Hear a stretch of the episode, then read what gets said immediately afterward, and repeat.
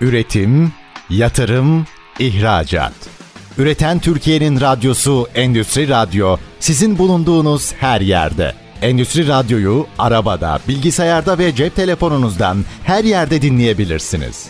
Endüstri Radyo.com Tuğba Dedeoğlu Demir'in hazırlayıp sunduğu Lider Kadınlar programı başlıyor.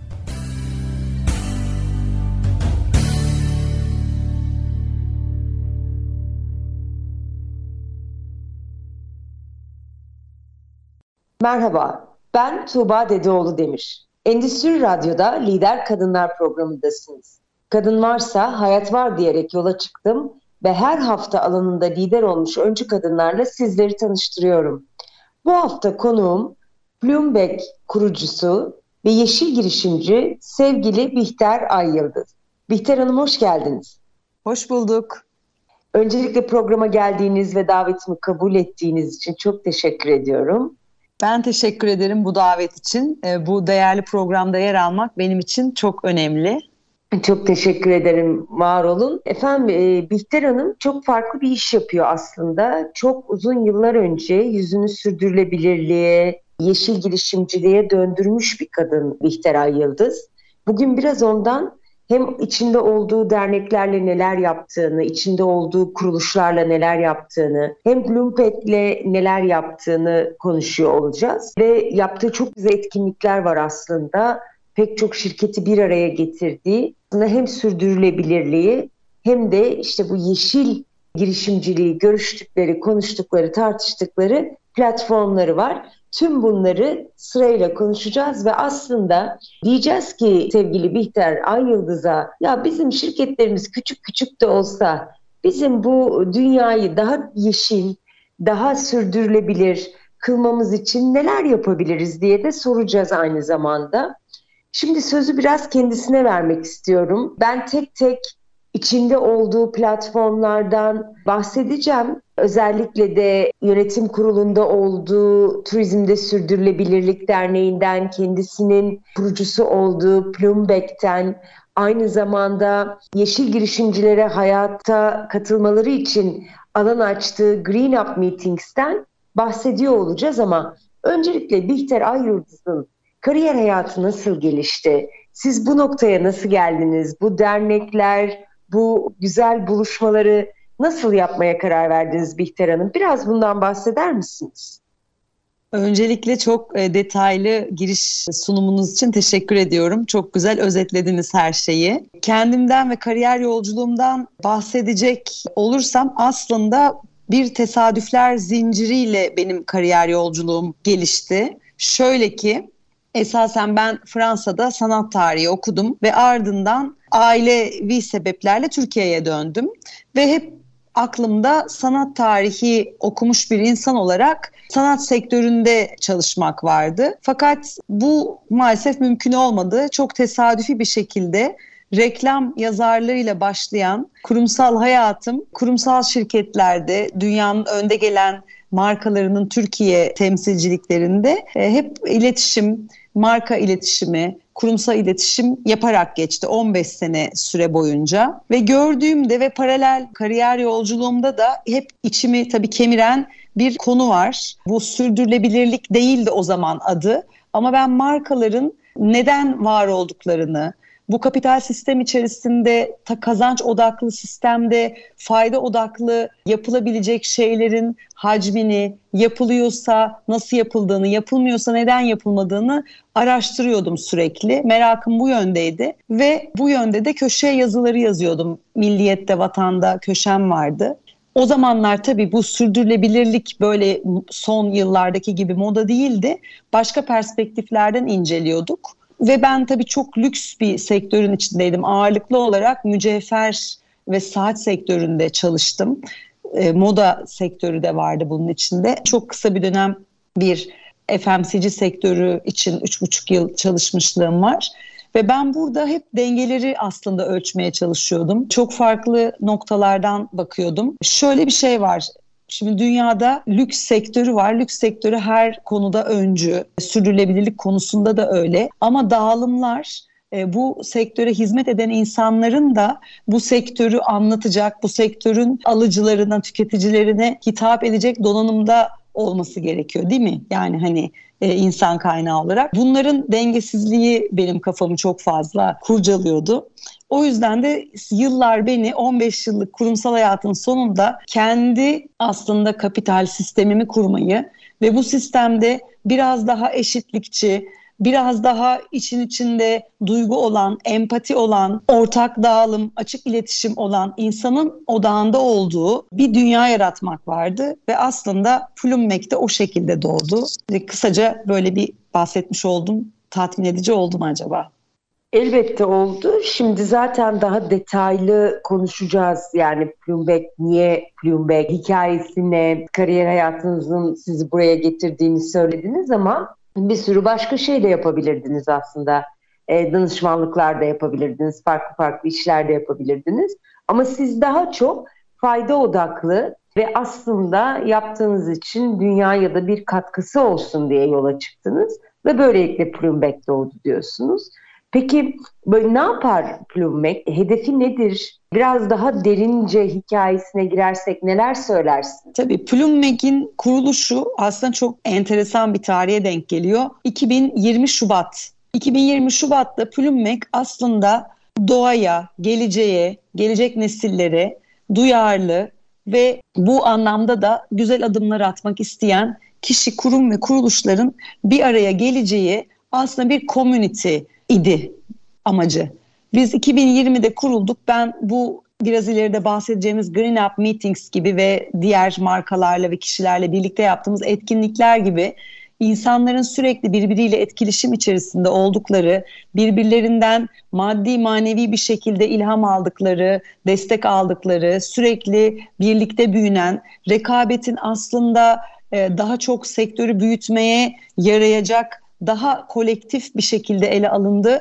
Bir sistem ortaya çıkarmak üzere yola çıktık. Yola çıktık 2020 Şubat'ta kurulduk. Mart'ta pandemi patladı. Ve benim bütün bu insan odaklı aslında yapmak istediğim projeler tabii ki bıçak gibi kesildi başlamadan. O yüzden biz de Plummek platformunu içerik olarak devam ettirdik. Yani başlattık diyebilirim. Plum Fransızca'da tüy demek. Ee, benim için hem benim işaretim hem hafifliği ifade ediyor bir yandan da edebiyatı ifade ediyor.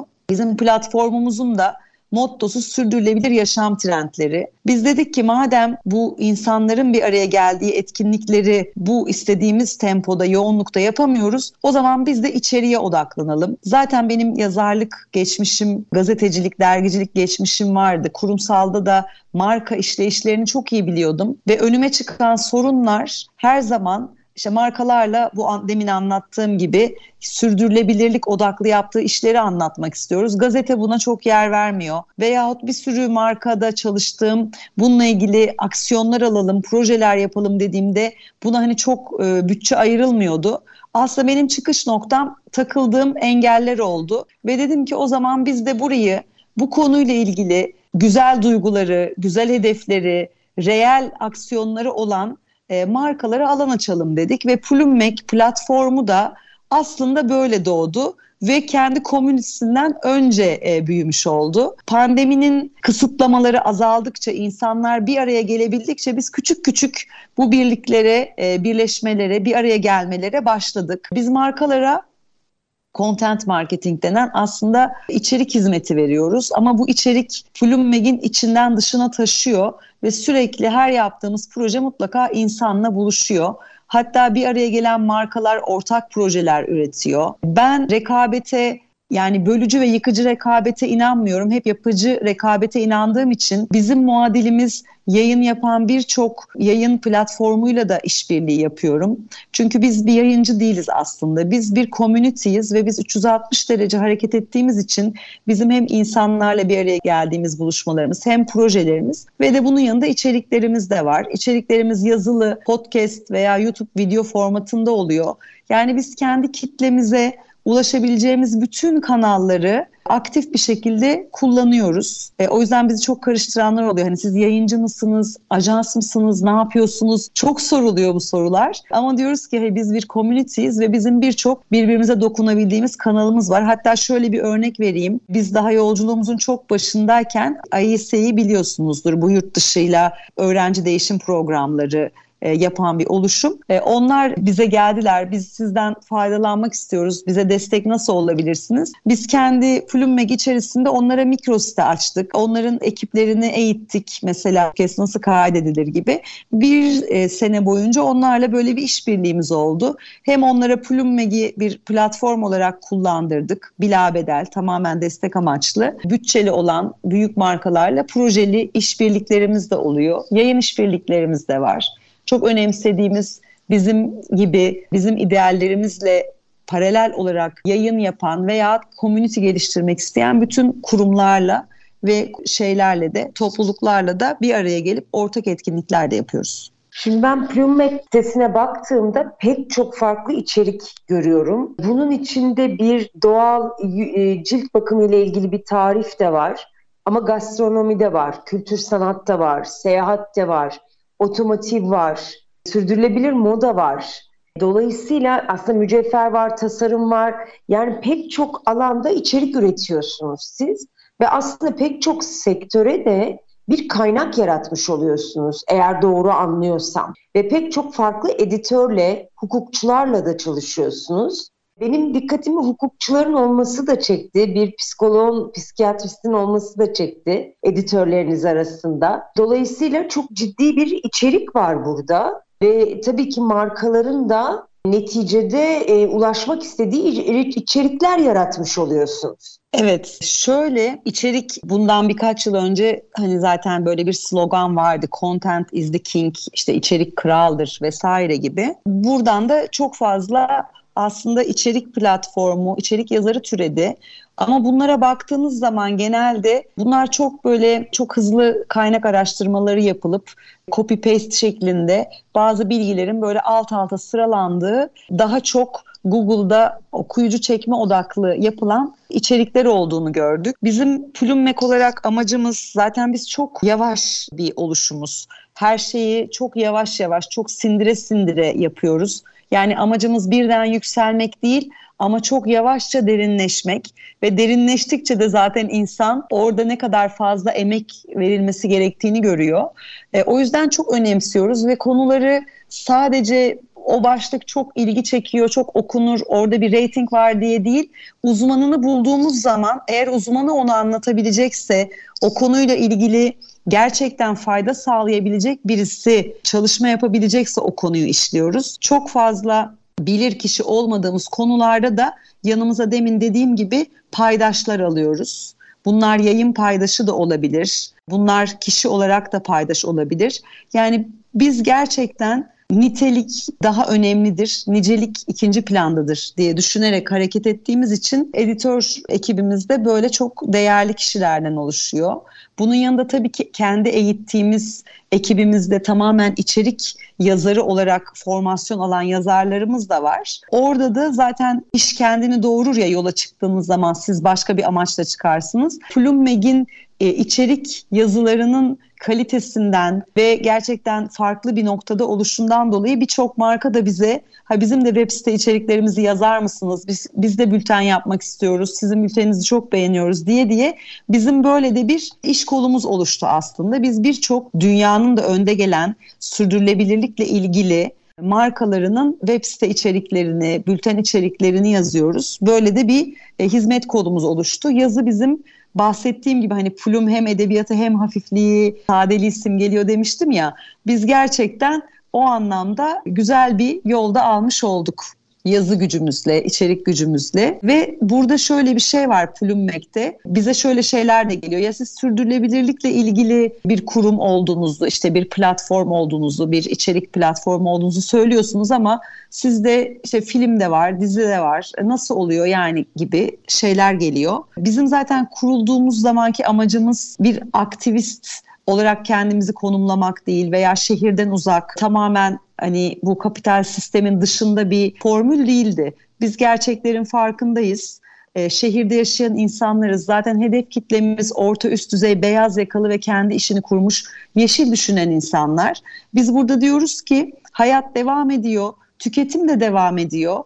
Ama en azından ben ne yapabilirim diye soranlara oyunuzu doğru markalardan yana kullanın diye bir önerme yapıyoruz. Yani burada gerçekten insanların unuttuğu bir şey var. Genel görüş öyle. Tamam da biz mi evdeki işte suyu iki saniye daha az kullanacağız da veya pet şişe almayacağız da dünya değişecek. Buna büyük markalar baksın, buna devletler baksın gibi yorumlar var. Böyle değil. Bu konuyla ilgili yeşil aklama yapmayan, doğru markaları seçerek siz de tüketici oyunuzu iyi markalardan yana kullanarak dünyayı değiştirebilirsiniz. Çünkü burada talebi yaratmak ve o markaları doğru yola itmek tamamen tüketicinin elinde. Kendinizi birey olarak düşündüğünüzde adet olarak ayda kaç adet ürün aldığınızı düşünün. E, o ürünleri yeşil düşünen, iyi niyetli, geleceğe fayda sağlama amaçlı çalışan markalardan aldığınızda dünyanın ne kadar değişebileceğini düşünün. O yüzden ben tek başıma ne yapabilirim cevabını biz buradaki içeriklerimizle aslında vermeye çalışıyoruz. Harika. Lider Kadınlar'da kısa bir reklam arasına gideceğiz. Bihter Ay Yıldız'la sohbetimiz reklamlardan sonra devam edecek. Üretim, yatırım, ihracat. Üreten Türkiye'nin radyosu Endüstri Radyo sizin bulunduğunuz her yerde. Endüstri Radyo'yu arabada, bilgisayarda ve cep telefonunuzdan her yerde dinleyebilirsiniz. Endüstri Radyo.com Lider Kadınlar'da Bihter Ay Yıldız'la sohbetimiz devam ediyor. Biz yeşil bir dünyadan bahsediyoruz. Yeşil bir dünyaya daha kolay nasıl ulaşırız? Bunun için hem bireysel hem şirketlerimizde neler yaparız diye konuştuk. İlk bölümde Bloomberg markasından konuştuk sevgili Bihter Ay Yıldız'ın yaratmış olduğu ve lütfen web sitesine bakın göreceksiniz ki hem bireysel hayatlarınızda hem de şirketlerinizde kullanabileceğiniz pek çok önemli içerik var. Yol gösterici yazılardan oluşuyor. Bunun için lütfen Bloomberg e, sayfasını ziyaret edin. Aynı zamanda sevgili Bihter Ay Yıldız, TUSTER Derneği'nde de yönetim kurulu üyesi. Bu da ne demek diye kendisine soracağız şimdi. Evet Bihter Ay Yıldız, TUSTER ne yapar? Evet, Turizmde Sürdürülebilirlik Derneği Melek Çubuk tarafından Anima Mice Event'in sahibi Melek Çubuk tarafından kurulmuş bir dernek.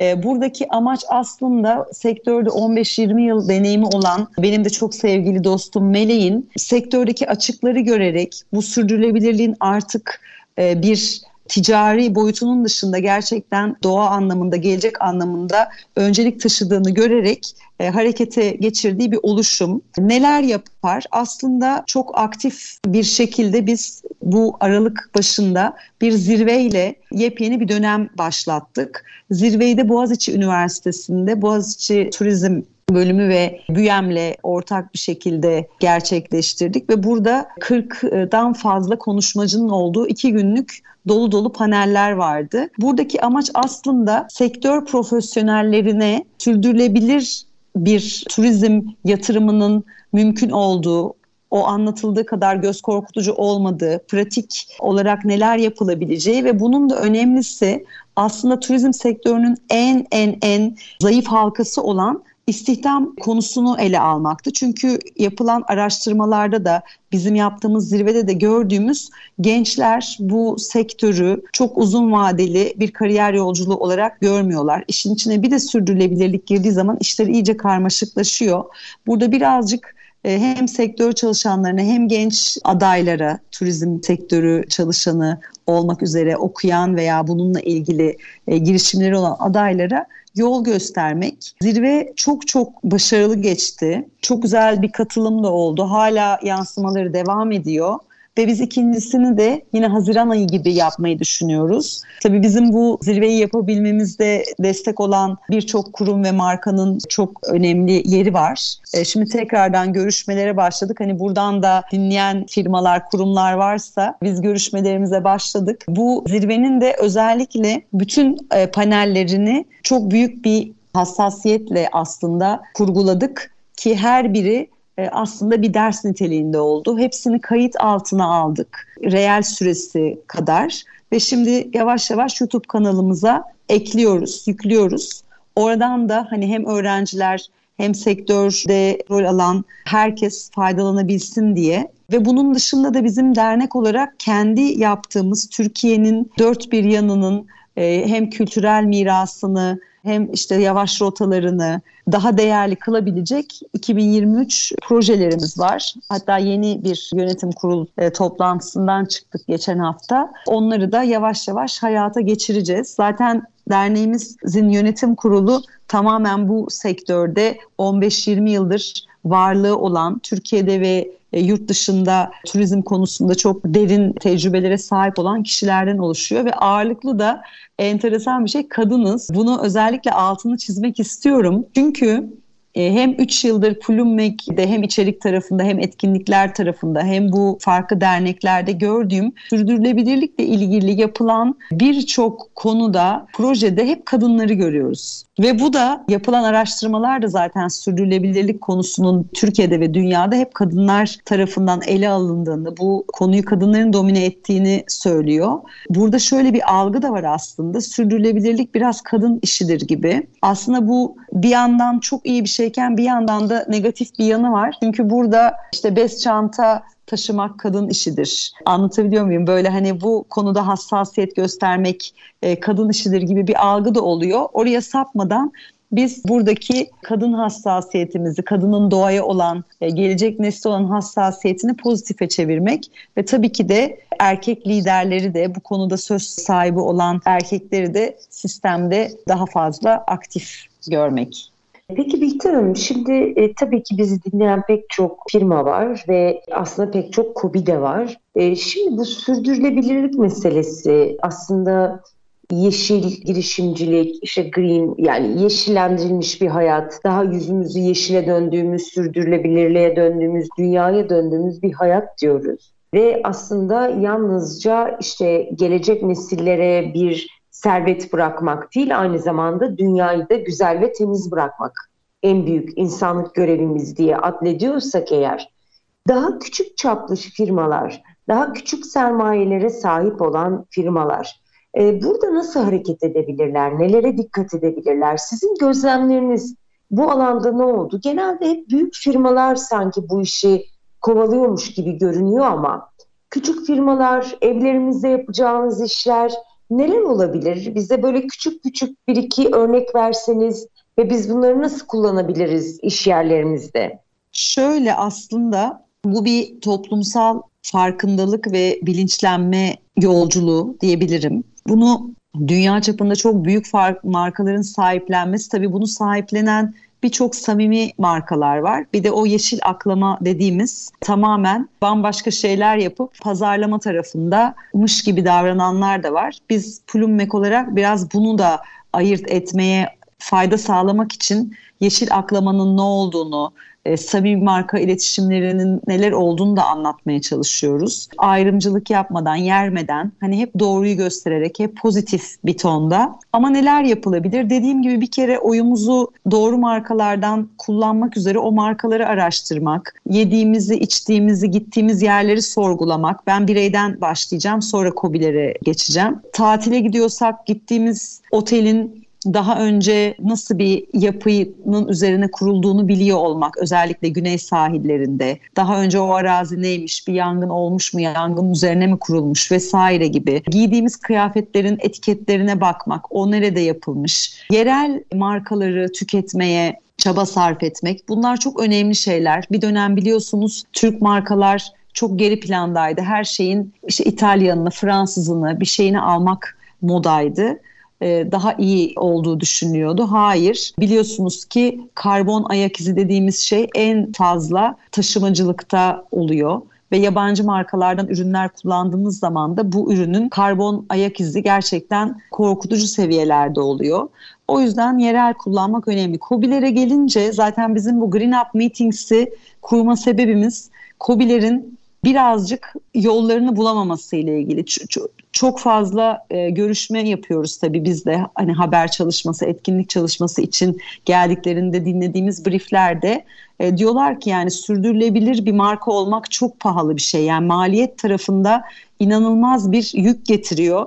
E, ve bunu siz küçük bir marka olarak tüketiciye yansıttığınız zaman da sürdürülebilirlik çok lüks bir şey oluyor. O yüzden burada lüks markalar her zaman daha önde kalıyor veya tüketici e, gidiyor yine bu hızlı üretim markalarından ki o çoğu biliyorsunuz yeşil aklama yapan markalar gidip oralardan alışveriş yapıyorlar ve o markaların da yeşil aklamaya ayırdığı bütçeler çok yüksek olduğu için işte mesela yılda 1 milyon ürün üretiyorsa onun 100 tanesini sürdürülebilir diyor. Ona inanılmaz bir pazarlama çalışması yapıyor ve diyorlar ki ama bakın sürdürülebilir işte yüzde yüz pamuktan yapmış, şundan yapmış vesaire gibi. Biz bu Green Up Meetings'lerde COBİ'ler nelerle karşılaşıyor? Sürdürülebilir bir girişime başlarken negatif yönler neler? Pozitife nasıl çevrilebilir veya kolektif olarak bu markalar bir arada neler yapabilir? Sürdürülebilir kargo çok maliyetli, pahalı bir şey.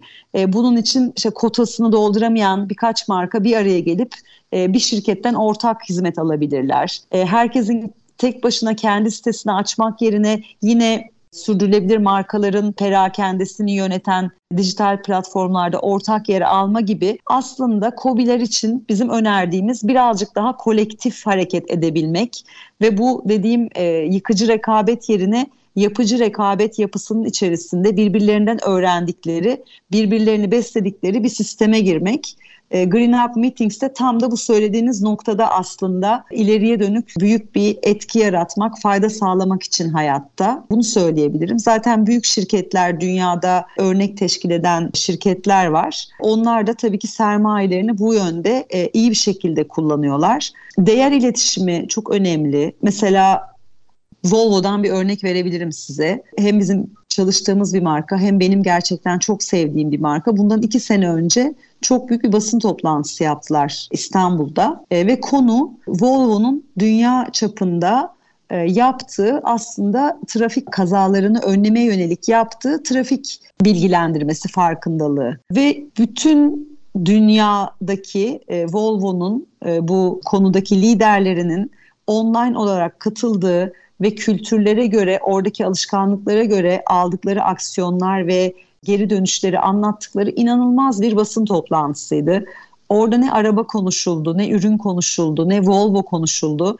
Tamamen e, trafik güvenliği üzerine yapılmış bir toplantıydı. İşte bu değer iletişimi bence çok önemli. Büyük markaların da bir yandan yani çünkü sürdürülebilirlik sadece ürün gibi gözüküyor sadece işte pet şişe kullanmayalım. İşte burada az su şey yaptık, karbon ayak izi vesaire. Ama sürdürülebilir marka olmanın arkasında insana verilen değer, insana verilen emek ve her şeyin çok daha iyi bir şekilde gittiği bir dünyayı hedeflemek de benim için sürdürülebilirlik çerçevesinde yer alıyor.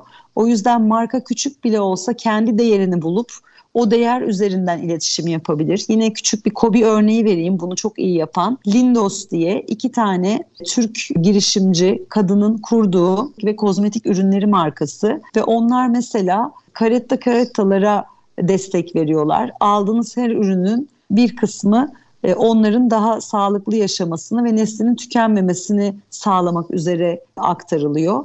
Yani bu bir kobi, küçük bir marka ama onlar bile kendi değer e, iletişimlerini yaratmışlar ve sadece bunu konuştukları dönemler var. Hani üründen daha da önemli. Sizin o markayla, o markanın kapitaliyle ne yaptığınız.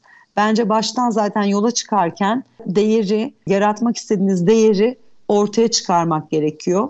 Bana da kurumsal hayatı bırakıp e, bu yeni dönemde girişimimin oluşum döneminde çok fazla markanı kursana işte çok çevren var iletişimi biliyorsun, işte marka iletişimini biliyorsun, pazarlamayı biliyorsun, marka kur, çok güzel geri dönüşü olur, çok hızlı para kazanırsın diyen çok insan oldu. Ama dedim ki benim yapmak istediğim şey bu değil ki. Ben bir şey satmak istemiyorum. Zaten çok güzel markalar var. Benim hayal edip de kurabileceğim markalar zaten kurulu. Ben niye artı bir olup da onlara bir rekabet yaratayım. Bu markaların derdini anlatacak platformlara, yerlere ihtiyacı var. Bir araya gelecekleri yerlere ihtiyaçları var.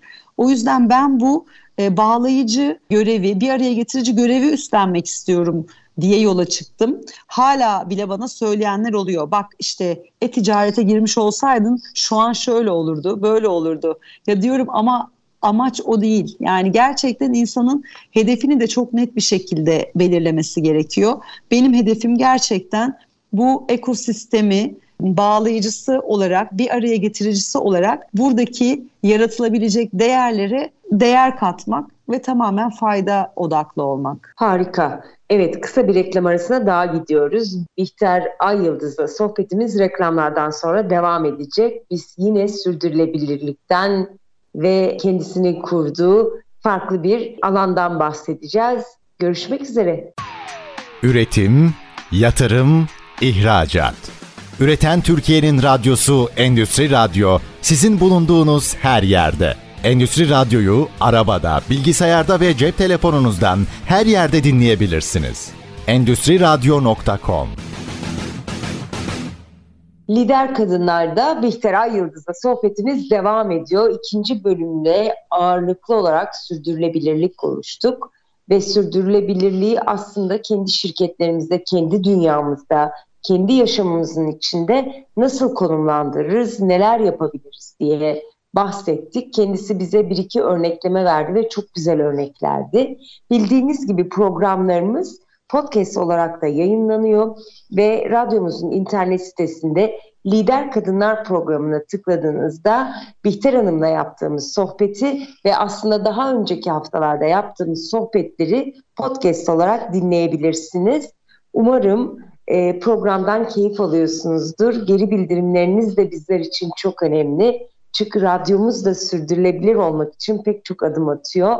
Ve biz programcılar da büyük bir emekle bu programları yapıyoruz. Zaman zaman sizlerden gelen güzel sözler bizi motive ediyor ve devam etmek için aslında bizi yolda tutuyor.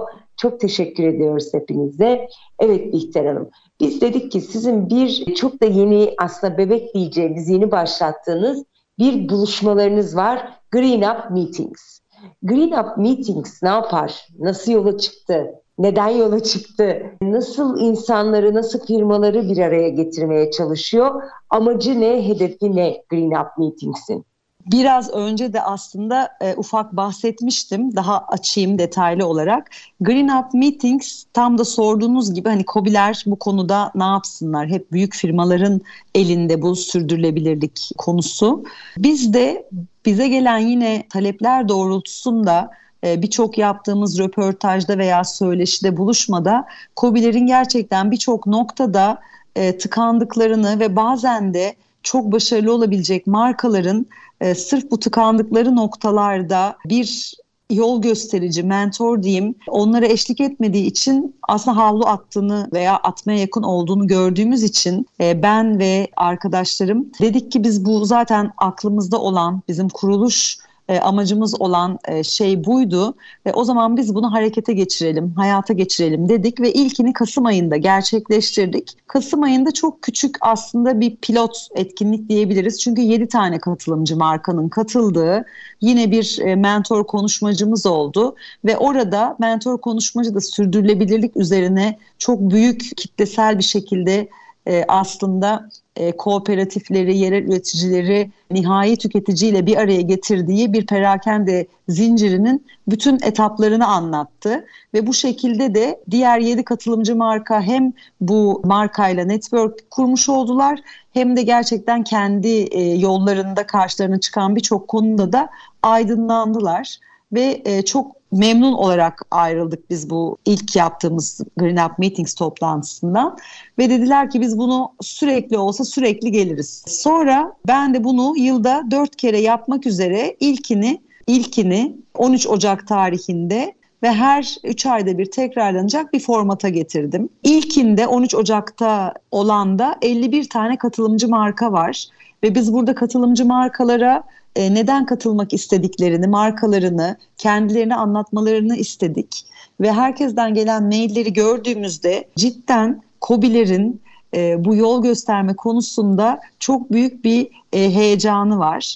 E, bu sefer ilkinde tek e, mentor e, konuşmacımız vardı. Bu sefer 10 tane konuşmacının olduğu 5 tane panele çıkardık ve panelleri farklı farklı lojistik, e-ticaret, perakende, girişim gibi farklı başlıklar altında hani e, 360 derece incelemek istedik.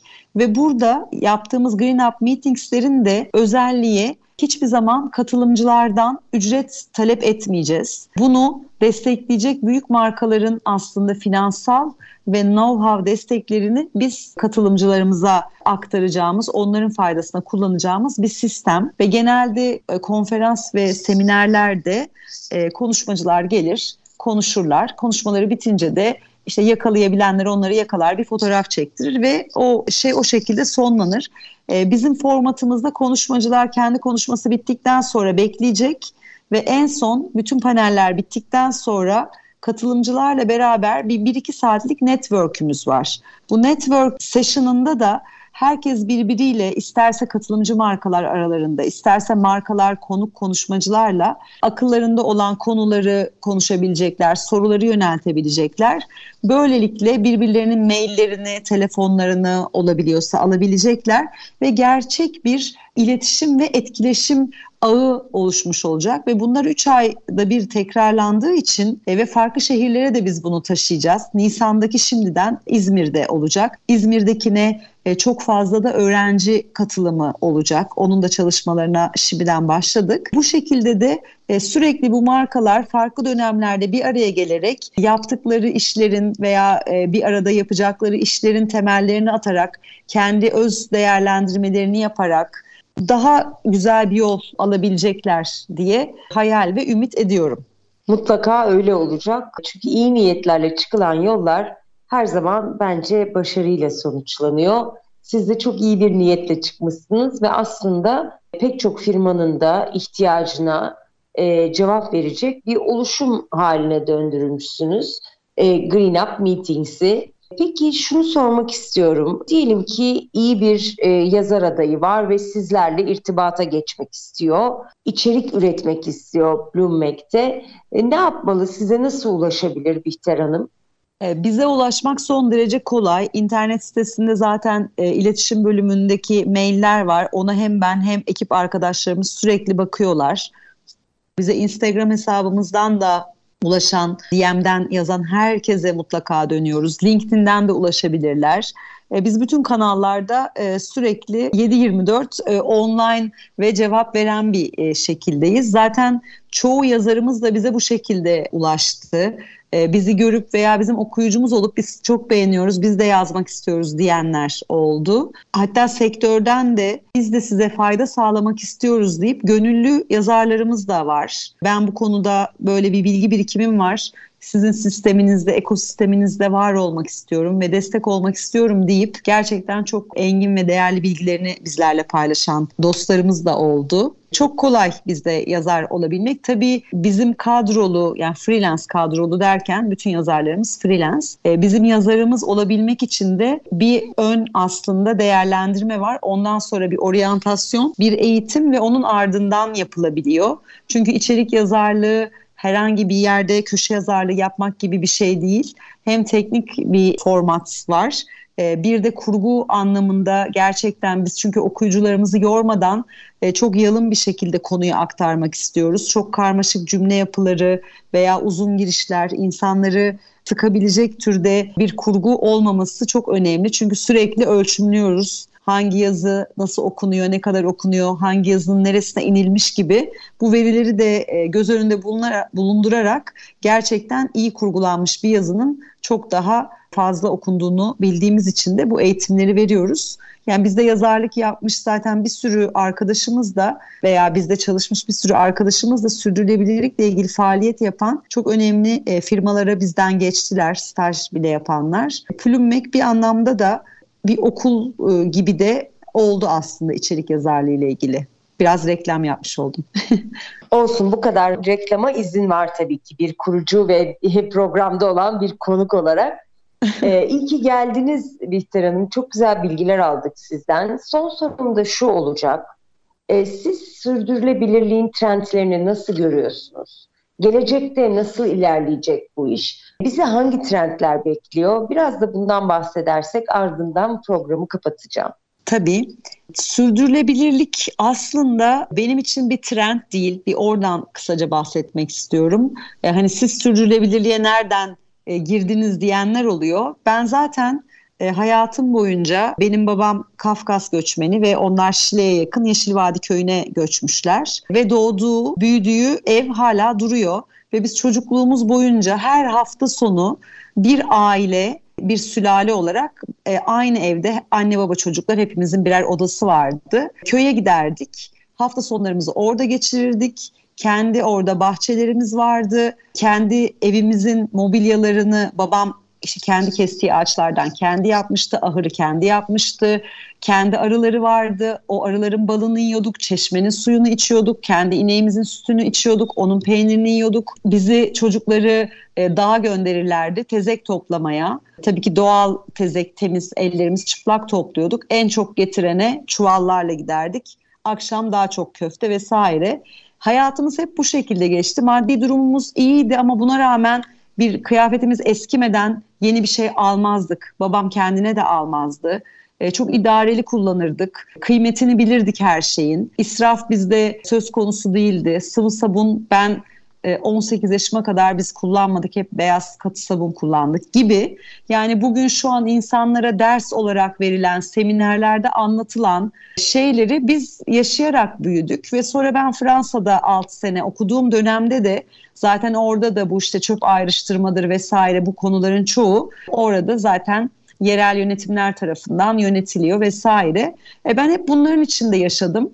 Sonra 2004'te Türkiye'ye döndüğümde artık köy hayatımız da yoktu ee, ve ben bir iş kadını olarak geri dönmüştüm ve birçok şeyin çok eksik olduğunu, çok aksak olduğunu gördüm. Paketli gıdalar eve girmeye başladı. Ben paketli gıda da üniversiteye kadar görmemiştim evimde. Vesaire derken bu beni tetikledi ve insanların da e, gitgide aslında doğadan koptuğunu ve doğadan koptukça daha da hoyratlaştığını gördüm. Yani aslında sürdürülebilirliğin kalbi empatidir. Yani sevdiğiniz bir yere bir şey yapmazsınız. Yani örnek vereyim bir sürü ağaç kesiliyor.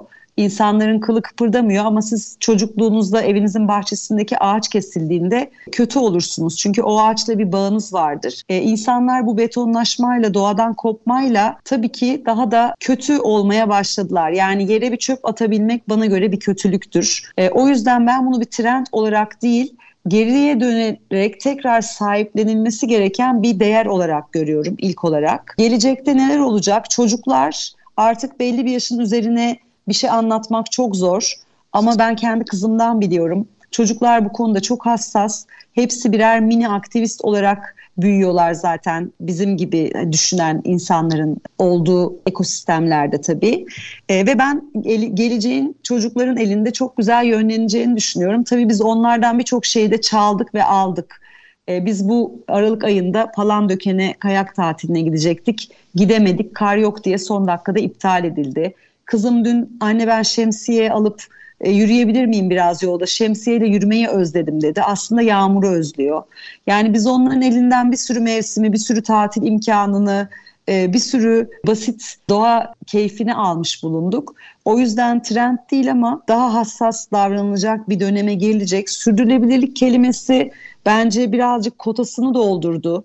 İnsanlar da bundan sıkılmaya başladı sürekli bir sürdürülebilirlik. Ee, bana göre önümüzdeki dönemlerde daha çok ekosistem konuşulacak. Ekosistemler içi dayanışmayla farkındalık ve e, bilgi aktarımıyla aslında bu empatinin geliştirilmesi konuşacak, konuşulacak. Ben bunları düşünüyorum ve doğa gerçekten çok güzel. Doğaya gitmek, doğada daha çok vakit geçirmek, e, bir ağacınızın olması, onu dikip onu büyütmek bile farkındalık yaratabilir. Çünkü insanlar pikniğe gidip e, hafta sonu o piknik alanlarını görüyorsunuz. O doğayla hani yakınlaşan insan o doğaya onu nasıl yapıyor diyorsunuz. Çünkü aidiyet yok. E, toprak duygusu azaldı. Eskiden toprak çok değerli bir şeydi. Şimdi satılabilen yatırım aracı olarak görülebilen bir şey. Bence o tekrardan köklerimize dönme dönemi yavaş yavaş başlayacak diyorum. Burada bitiriyorum sözlerimi. Sevgili Bihter Ay Yıldız çok teşekkür ediyorum programımıza katıldığınız ve bugün bizlerle olduğunuz için. Bir hafta daha sona erdi. Lider kadınların sonuna geldik. Önümüzdeki hafta buluşmak dileğiyle. Hoşçakalın, sevgiyle kalın.